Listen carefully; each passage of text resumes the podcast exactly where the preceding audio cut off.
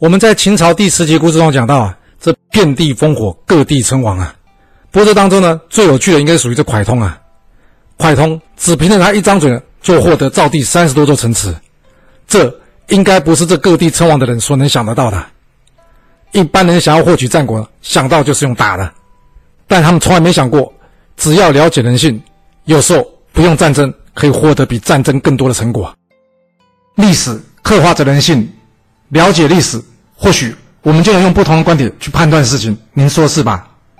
想了解完整版的故事内容，欢迎到我的爱故事频道去看哦。